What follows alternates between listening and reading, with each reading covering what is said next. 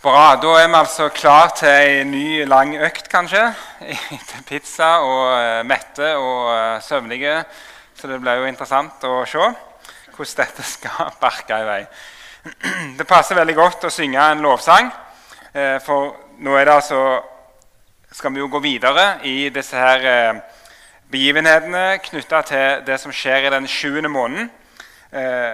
og da er det nettopp lovsangstonen som er er liksom melodien, kan vi gjerne si, i, i, det som skjer nå. For nå er det altså denne, ny, denne høgtida som nå avløser den store forsoningsdagen, det er løvhyttefesten, som er en uh, gledeshøytid, der lovsangen har sin naturlige plass. Og den Festen ble feira noen få dager etter den store forsoningsdagen. Der den store forsoningsdagen var en eh, dag for faste og for eh, bod og anger, så er jo løvhyttefesten en gledesfest.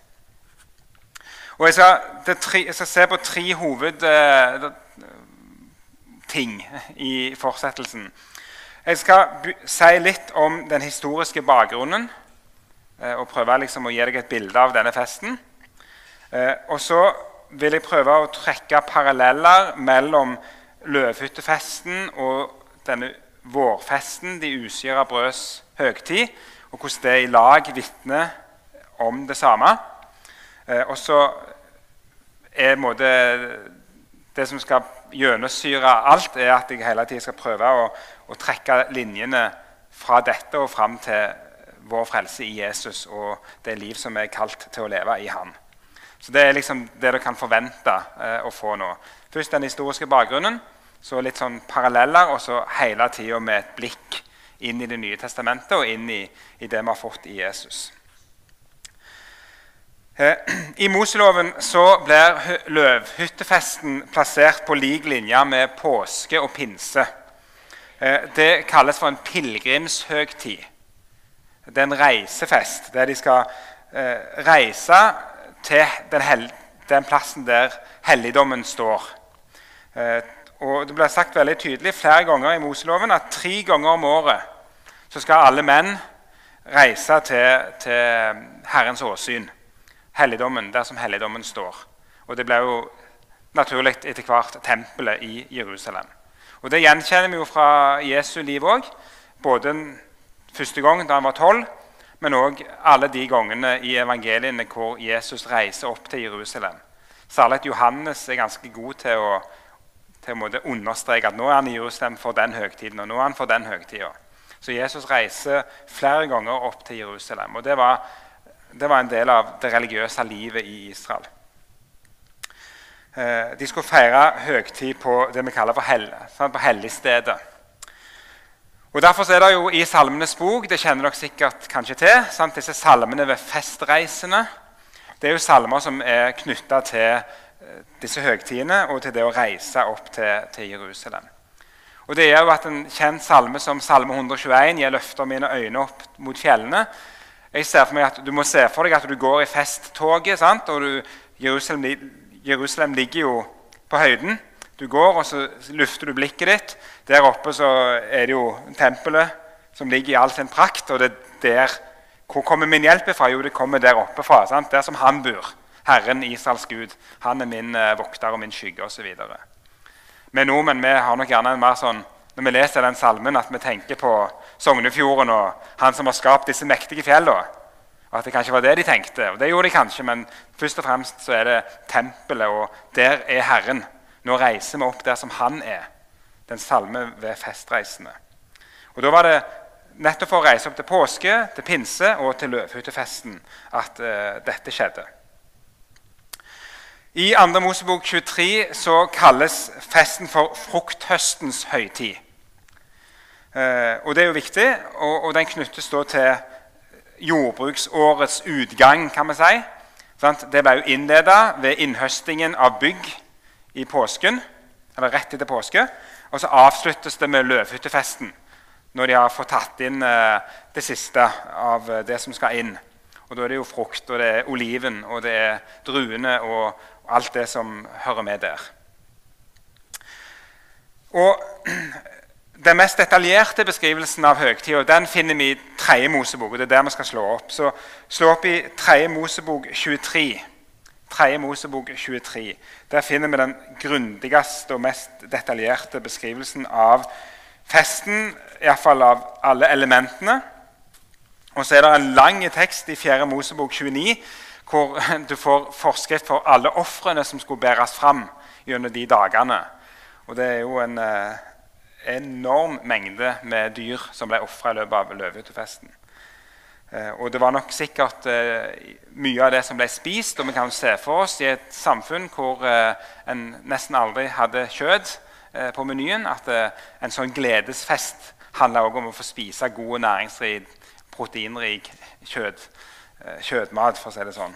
Det var nok òg en, av, en del av pakken her.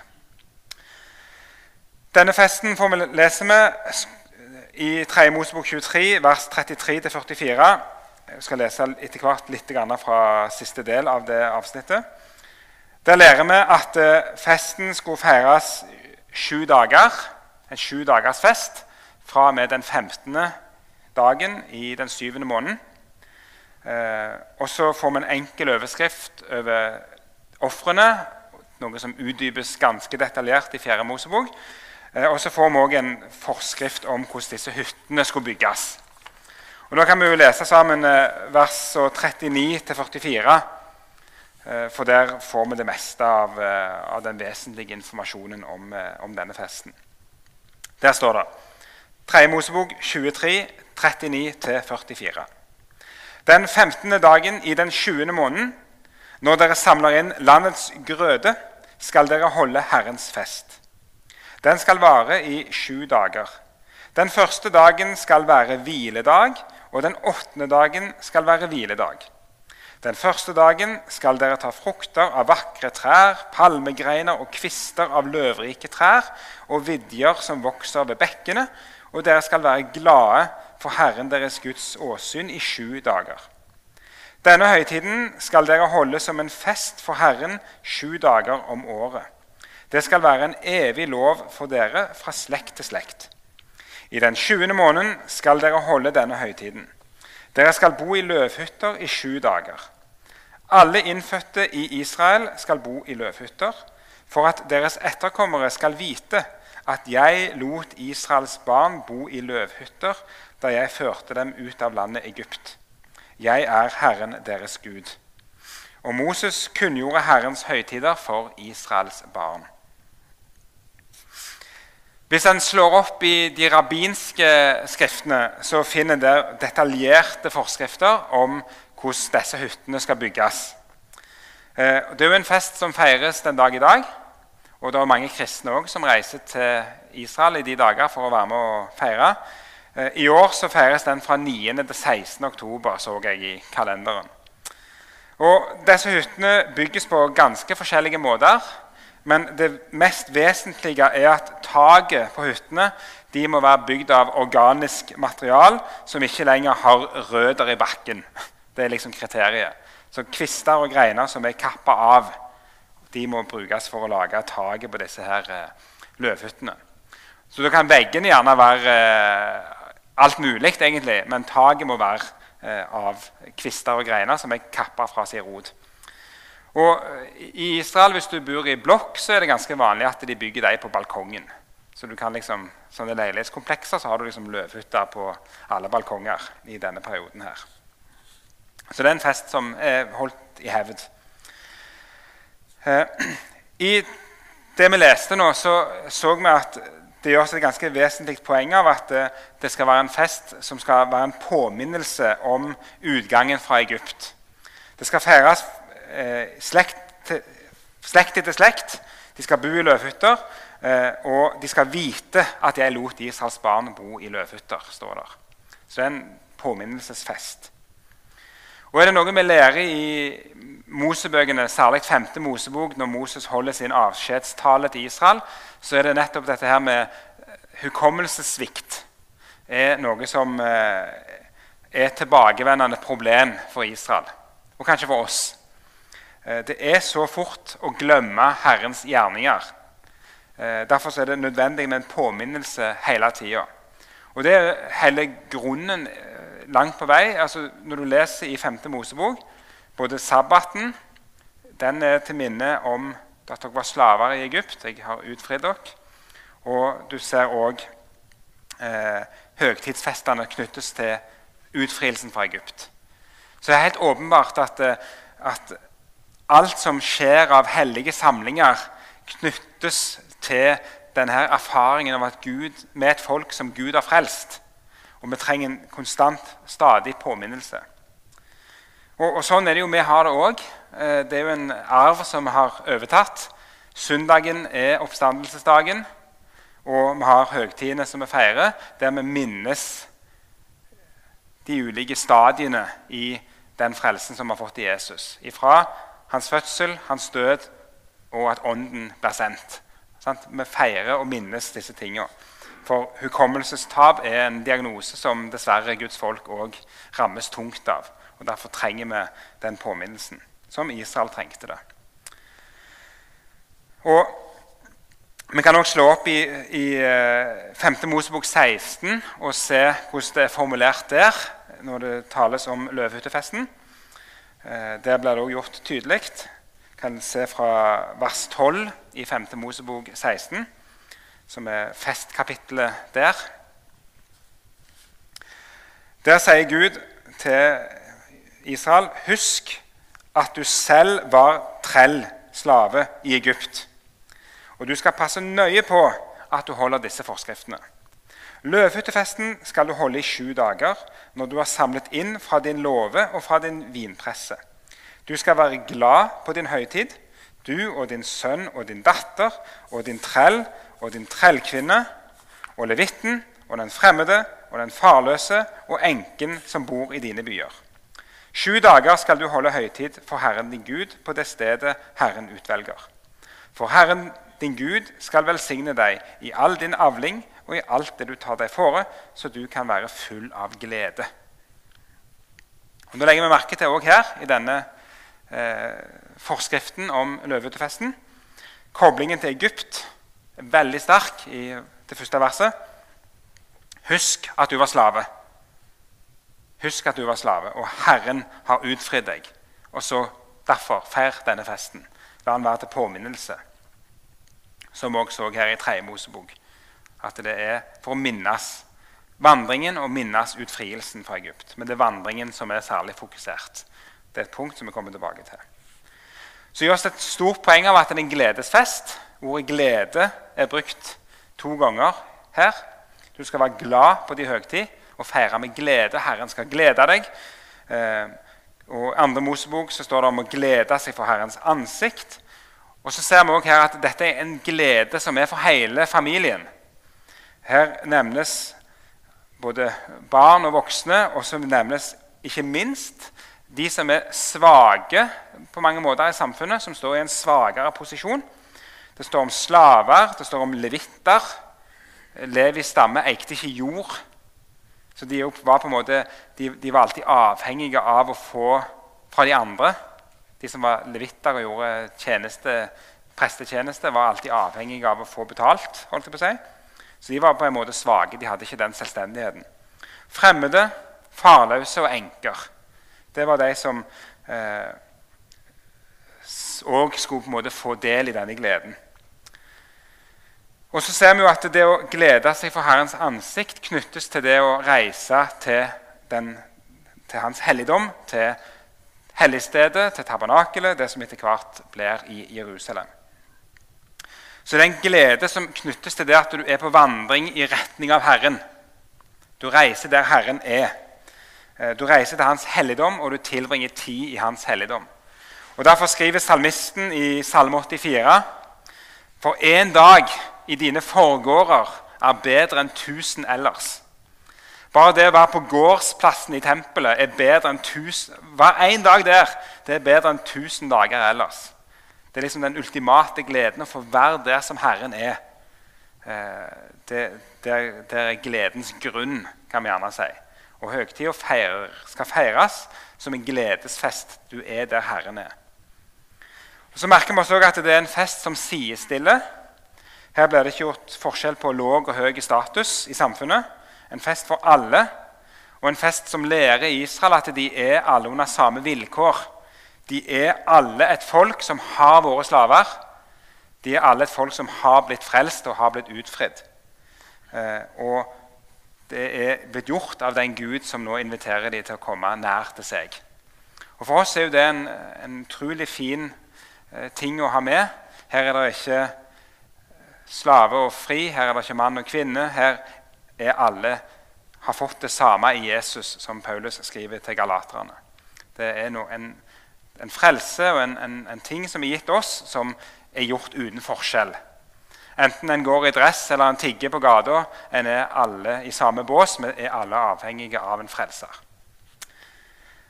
Så Sånn var løvehyttefesten en, en sånn gledesfest for alle. Og så kan jeg jo bare legge til at det, er òg en ordets fest. I 5. Mosebok eh, Jeg skrev ikke opp henvisningen, jeg tror det er 29 eller 32. Det får lete. Men det står at eh, hvert 20. år så skulle hele loven leses opp for hele folket til og med spedbarn skulle være til stede. Og de skulle høre hele loven opplest. Så det er òg en ordets fest. Og Når vi leser i Nehemjas bok, så er det nettopp under løvhyttefesten at det skjer denne opplesningen av loven for hele folket. Og så blir de lei seg, for de forstår jo at de har gjort galt imot Gud. Og så sier Nehemja nei, dere skal glede dere og sende gaver til hverandre og feire. For dere er et folk som Herren bryr seg om. Så det er òg en, fest som, som er knytta til det å høre om Herrens eh, velgjerninger imot folket.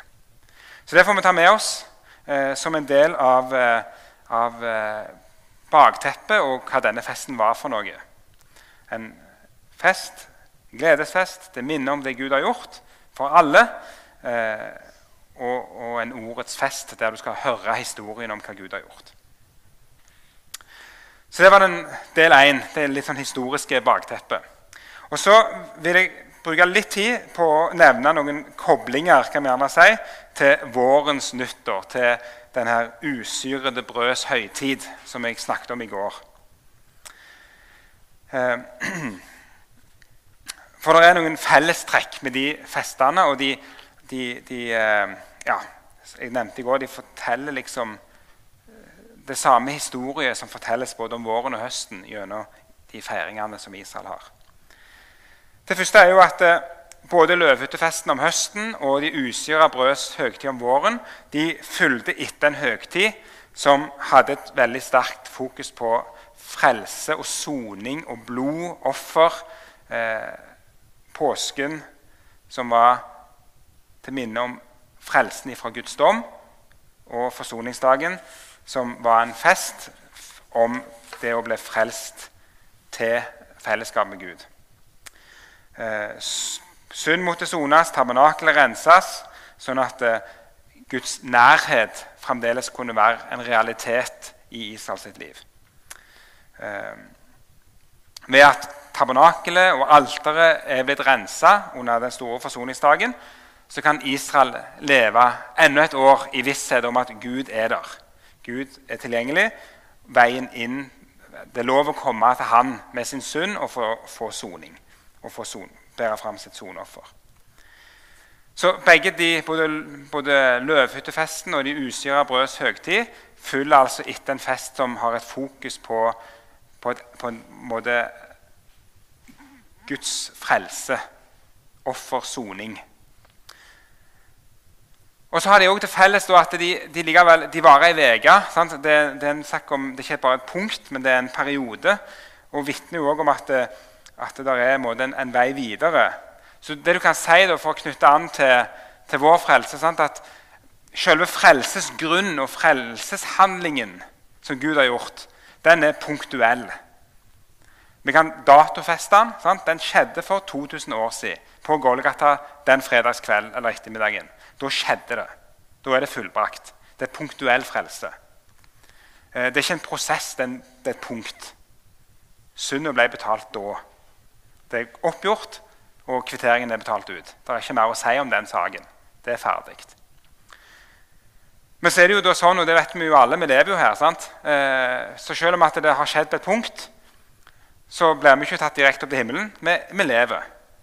Det er en periode der det er et liv som leves hans, i hans fotspor.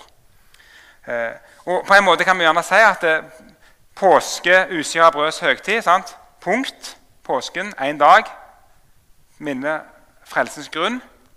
Og så er det livet. Og på høsten, forsoningsdagen, punktet. Løvetefesten, som òg er med og bærer vitnesbyrd om at det er et liv som leves. Eh, der vi skal eh, både huske hva han har gjort, men vi skal òg leve eh, videre. Så jeg håper dere klarer å se den. Jeg vet ikke om jeg fikk det tydelig nok fram. En punktuell frelse. Golgata, påsken, forsoningsdagen. Og så er det et liv som følger. Løvetefesten, de usyra brøds høgtid. Så skal vi se at de er med og, og vitner om, eh, om, livet. For Det nevnte jeg i går når jeg snakket om de usyra brøds høgtid. Hvis de måte kan ses på som et slags bilde på det å leve som Guds frelste folk, så gjorde jeg et poeng av i går at i de usyra brøds høgtid så skulle denne surdeigen fjernes. og ikke, De skulle ikke spises gjæra mat.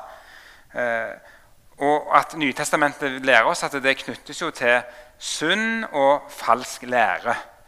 At eh, Guds folk, det frelste Guds folk, når det skal leve sitt liv, så må en ha oppmerksomhet på at eh, en skal holde vekke det som er med å ødelegge. Eh, vi trenger å leve i en daglig omvendelse, og vi trenger å vokte på at vi snakker rett og sant om, om, om, om det som Gud har sagt til oss. Eh, og, og, Det minner oss at eh, Guds frelste folk Det kan skje for et, en kristen. Det er mulig for en kristen å rote seg inn i synd.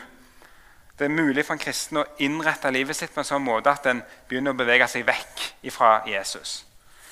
Og Det er mulig for en kristen, når Jesus advarer mot fariseernes surdeig, det er mulig for en kristen å komme i en situasjon der en begynner å stole på sin egen fromhet mer enn kan stole på Guds nåde.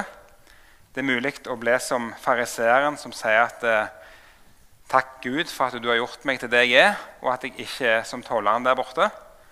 Eller som kanskje vi står i fare for å gjøre, at vi, vi gjør tollerbønnen til en fariseerbønn og sier takk, Gud, for at jeg er så elendig. Sant? Eh, og at jeg ikke er som han fariseeren der borte, som ikke ser sin elendighet. Eh, vi står fort i fare for å stole på vår egen fromhet, uansett hvordan den fromheten arter seg.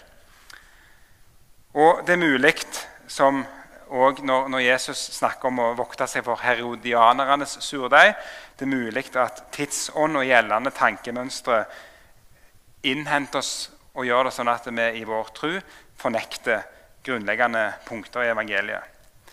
Så, så så det her med surdeigen det er en sånn påminnelse. Det, det må voktes, eh, dette skjøre livet på en måte som, eh, som vi har fått. For det, det, er så mange ting som ennå kan ødelegge for oss. Vi må hjelpe hverandre. Og, og De usyra brøds høgtid kan være med å vise den sida ved det kristne livet. Løvetefesten for å ta Den sant? den har noe av det samme i seg. da, sant? En påminnelse om viktige trekk ved livet som Guds frelste folk. Eh, og Kanskje den viktigste påminnelsen som løvehyttefesten gir oss, det er påminnelsen om at vår, vårt liv her på jorda er en vandring. Israel skulle feire løvehyttefesten til minne om vandringen. Gud lot oss bo i løvehytter på vår vandring, sier Moses. Eh, at eh, liksom, det livet vi lever, er liksom et liv i et midlertidig skjul, eh, hytte langs en vei som går imot eh, et mål. Og Bibelen snakker mye om det. Vi leser i Salme 119 om å være en gjest på jorda. Vi leser i 2. Peters brev om å være fremmede og utlendinger. Vi leser i Kolosserbrevet om at vi har vårt hjemland, vår borgerrett, i himmelen. Og Vi leser i 2. Korinterbrev om vår, vår, jordiske kropp som er et telt som skal tas ned en gang. Peter skriver om, om min hytte som brått skal legges ned. Eh, vi, vi, har liksom ikke en, en, by som forblir på denne jorda. eh, i denne verden. Vi er på vandring mot et annet land, mot et annet heimland. Kristenlivet er en vandring. Vi har statsborgerskapet vårt en annen plass, kan vi gjerne si. Eh, nemlig den plassen hvor vi skal få være i Herrens helligdom, alltid sammen med Han. Og Derfor så passet det seg òg at, at, denne her festen, løvehyttefesten var en sånn pilegrimshøgtid, der israelsfolket skulle reise til hellig, helligstedet. Festen kunne først feires til fulle når de var kommet opp der til Jerusalem. Så selv når de var, og det har jeg ofte tenkt på at for I, i eh, særlig 5. Mosebok så er landet, Israels land, det lovede land, er jo på en måte et, en måte et bilde på Guds folks hvile. Men det, det, er jo en midlertidig hvile. For at Selv i landet så skulle de alltid være på reise. De skulle alltid søke inn imot helligstedet. Og Det minner gjerne oss også om at den som er i Kristus, er allerede satt med Gud i himmelen. Eller med Kristus i himmelen, som Paulus skriver. Men selv om vi allerede er satt i himmelen, så er vi likevel på en reise til himmelen. Så, så Den dobbeltheten der. Israel er i landet, men livet i landet skal alltid leves på vandring imot helligstedet.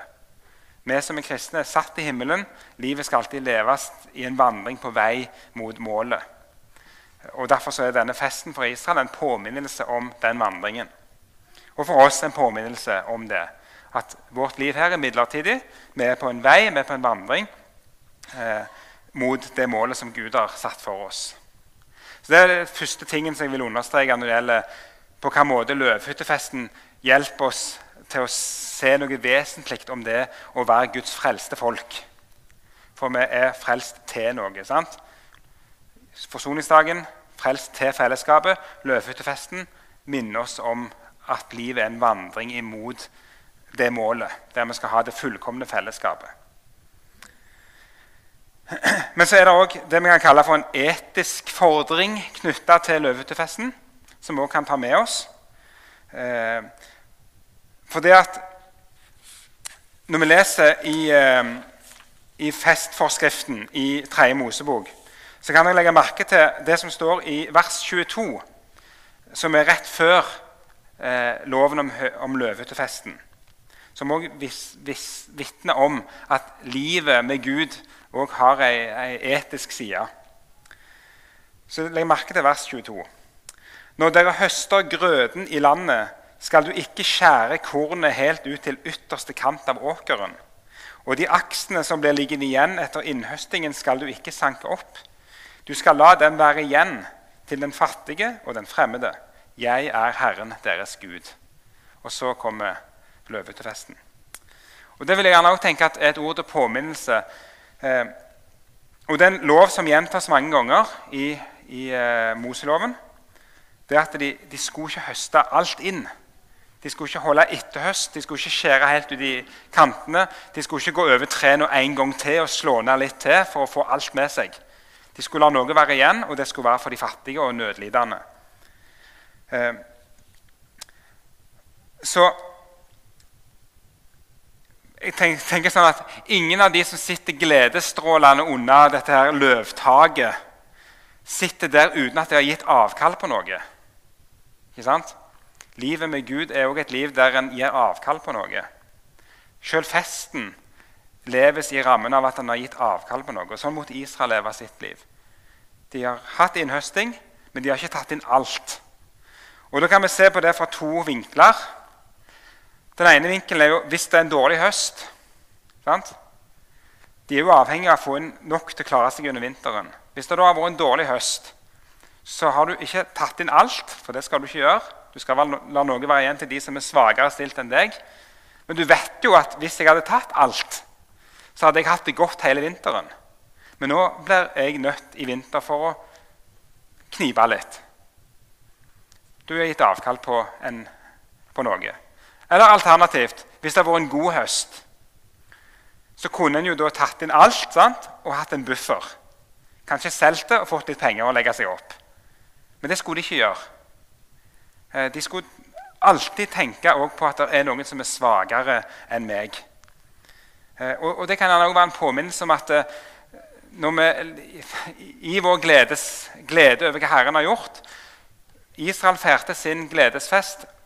Alle hadde gitt avkall på noe, enten det var en overflod eller det til og med var eh, det å ha akkurat nok. Så var det en tanke på noen andre, noen svake. Og Det er noe Bibelen understreker veldig sterkt. Omsorgen for de som er svake, de som ikke har. Og så kalles Guds folk til å leve eh, et liv i vandring der en òg har gitt avkall på noe. For å tjene vårt medmenneske. Vi skal leve i kjærlighet overfor vårt medmenneske. Eh, og som Luther sier det, det er ikke Gud som trenger våre gode gjerninger, men det er vår neste. Og Derfor så knyttes det helt åpenbart til, til, det å ta vare på de som, som trenger.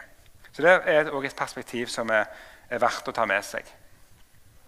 Så På den måten så kan vi slå fast tenker jeg, at uh, løvehyttefesten minner oss om to vesentlige ting. Det minner oss om at livet er en vandring, foreløpig vandring, og så er det en, en vandring der en òg kalles til å ha omsorg for de som er svakere eh, enn en seg sjøl. Og så kan vi ta et siste punkt. Det er at løvhyttefesten knyttes òg Og det har vi allerede sett litt, men det er jo håpet som er vesentlig i løvehyttefesten. Eh, det er flere forbindelser i Bibelen mellom løvehyttefesten og håpet som Guds folk har. Og jeg skal ta noen, to, to henvisninger til det.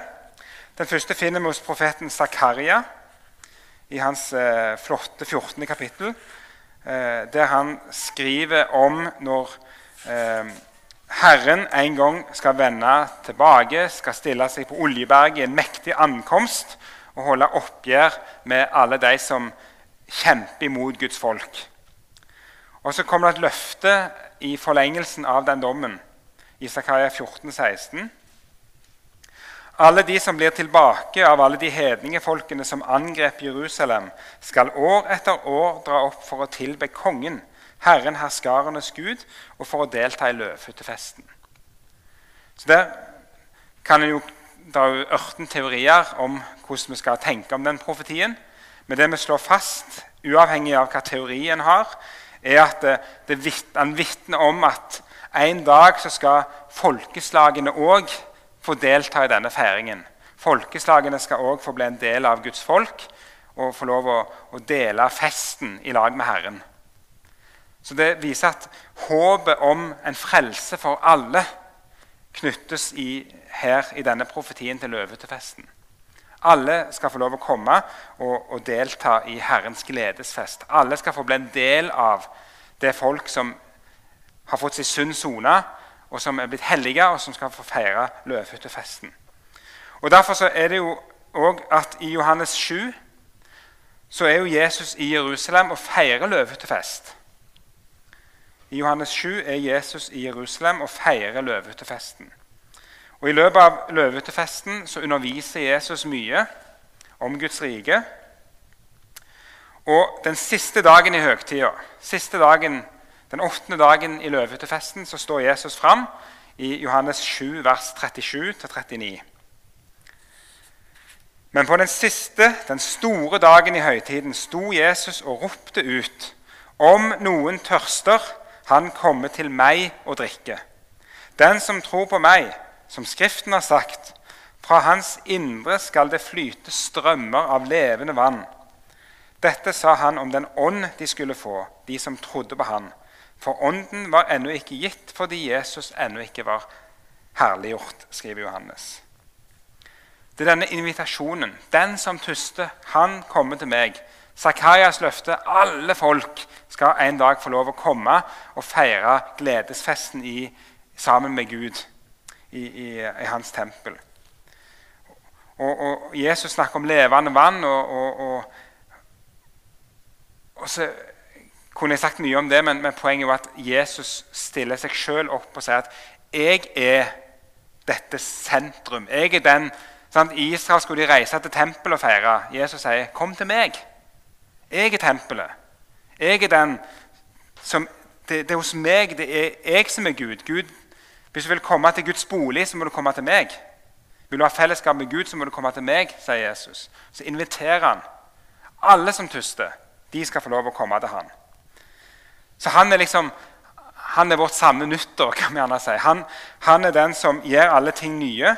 I han er det vi har håpet om, om, frelsen, og vi har håpet om, om samværet med Gud. Vi er frelst fra, vi er frelst til, vi er frelst til et fellesskap med Gud. Og det fellesskapet er det det er hos Jesus det er å finne. Han er punktet som samler opp i seg alle disse tingene. Ehm, så òg den tida vi lever her, så er det et liv i vandring der vi følger etter Han. Eh, og vi er på vandring alltid i retning av Han. Hvis vi klarer å være med på tankene. Sant? Livet skal alltid leves i landet på vei mot helligstedet, på vei mot sentrum. Inn mot Jesus, inn mot håpet som er å finne i ham. Det er løvehyttefesten hele tiden et, et, et uh, forbilde på. Så vi tar med oss de tre punktene. Det blir tre punkter om, om uh, teologisk lærdom fra løvehyttefesten. En påminnelse om at livet som Guds frelste folk, det er et liv Et midlertidig jordisk liv på vei mot et mål. Og så er det et liv der vi kalles til å vise omsorg for de svake, for våre medmennesker. Og så er håpet vårt at dette er noe som er å finne i Han, i Jesus, en gang eh, i hans fullendte rike. Da skal vi få feire liksom, den store løvetefesten. Da skal vi få sitte der under livets tre og, og, og feire i lag med Jesus. Så Det får vi ta med oss fra festkalenderen til løvetefesten. Så skal vi be en avslutningsbønn. Gode Gud og himmelske Far, takk, Herre, for din godhet. Takk, Herre, for det du har gitt oss. Takk, Herre, for den frelsen som du har gitt oss i Jesus. Du, har gitt, du gjorde det på et tidspunkt, og så kaller du oss til å leve et liv eh, basert på den grunnvollen som du har lagt. Og Jeg ber Herre om at eh, du må få være den vi alltid husker. At du må minne oss om igjen og om igjen på hva du har gjort. At du, Hellige Ånd, eh, viser for våre hjerter den sannheten om hva du har gjort for oss.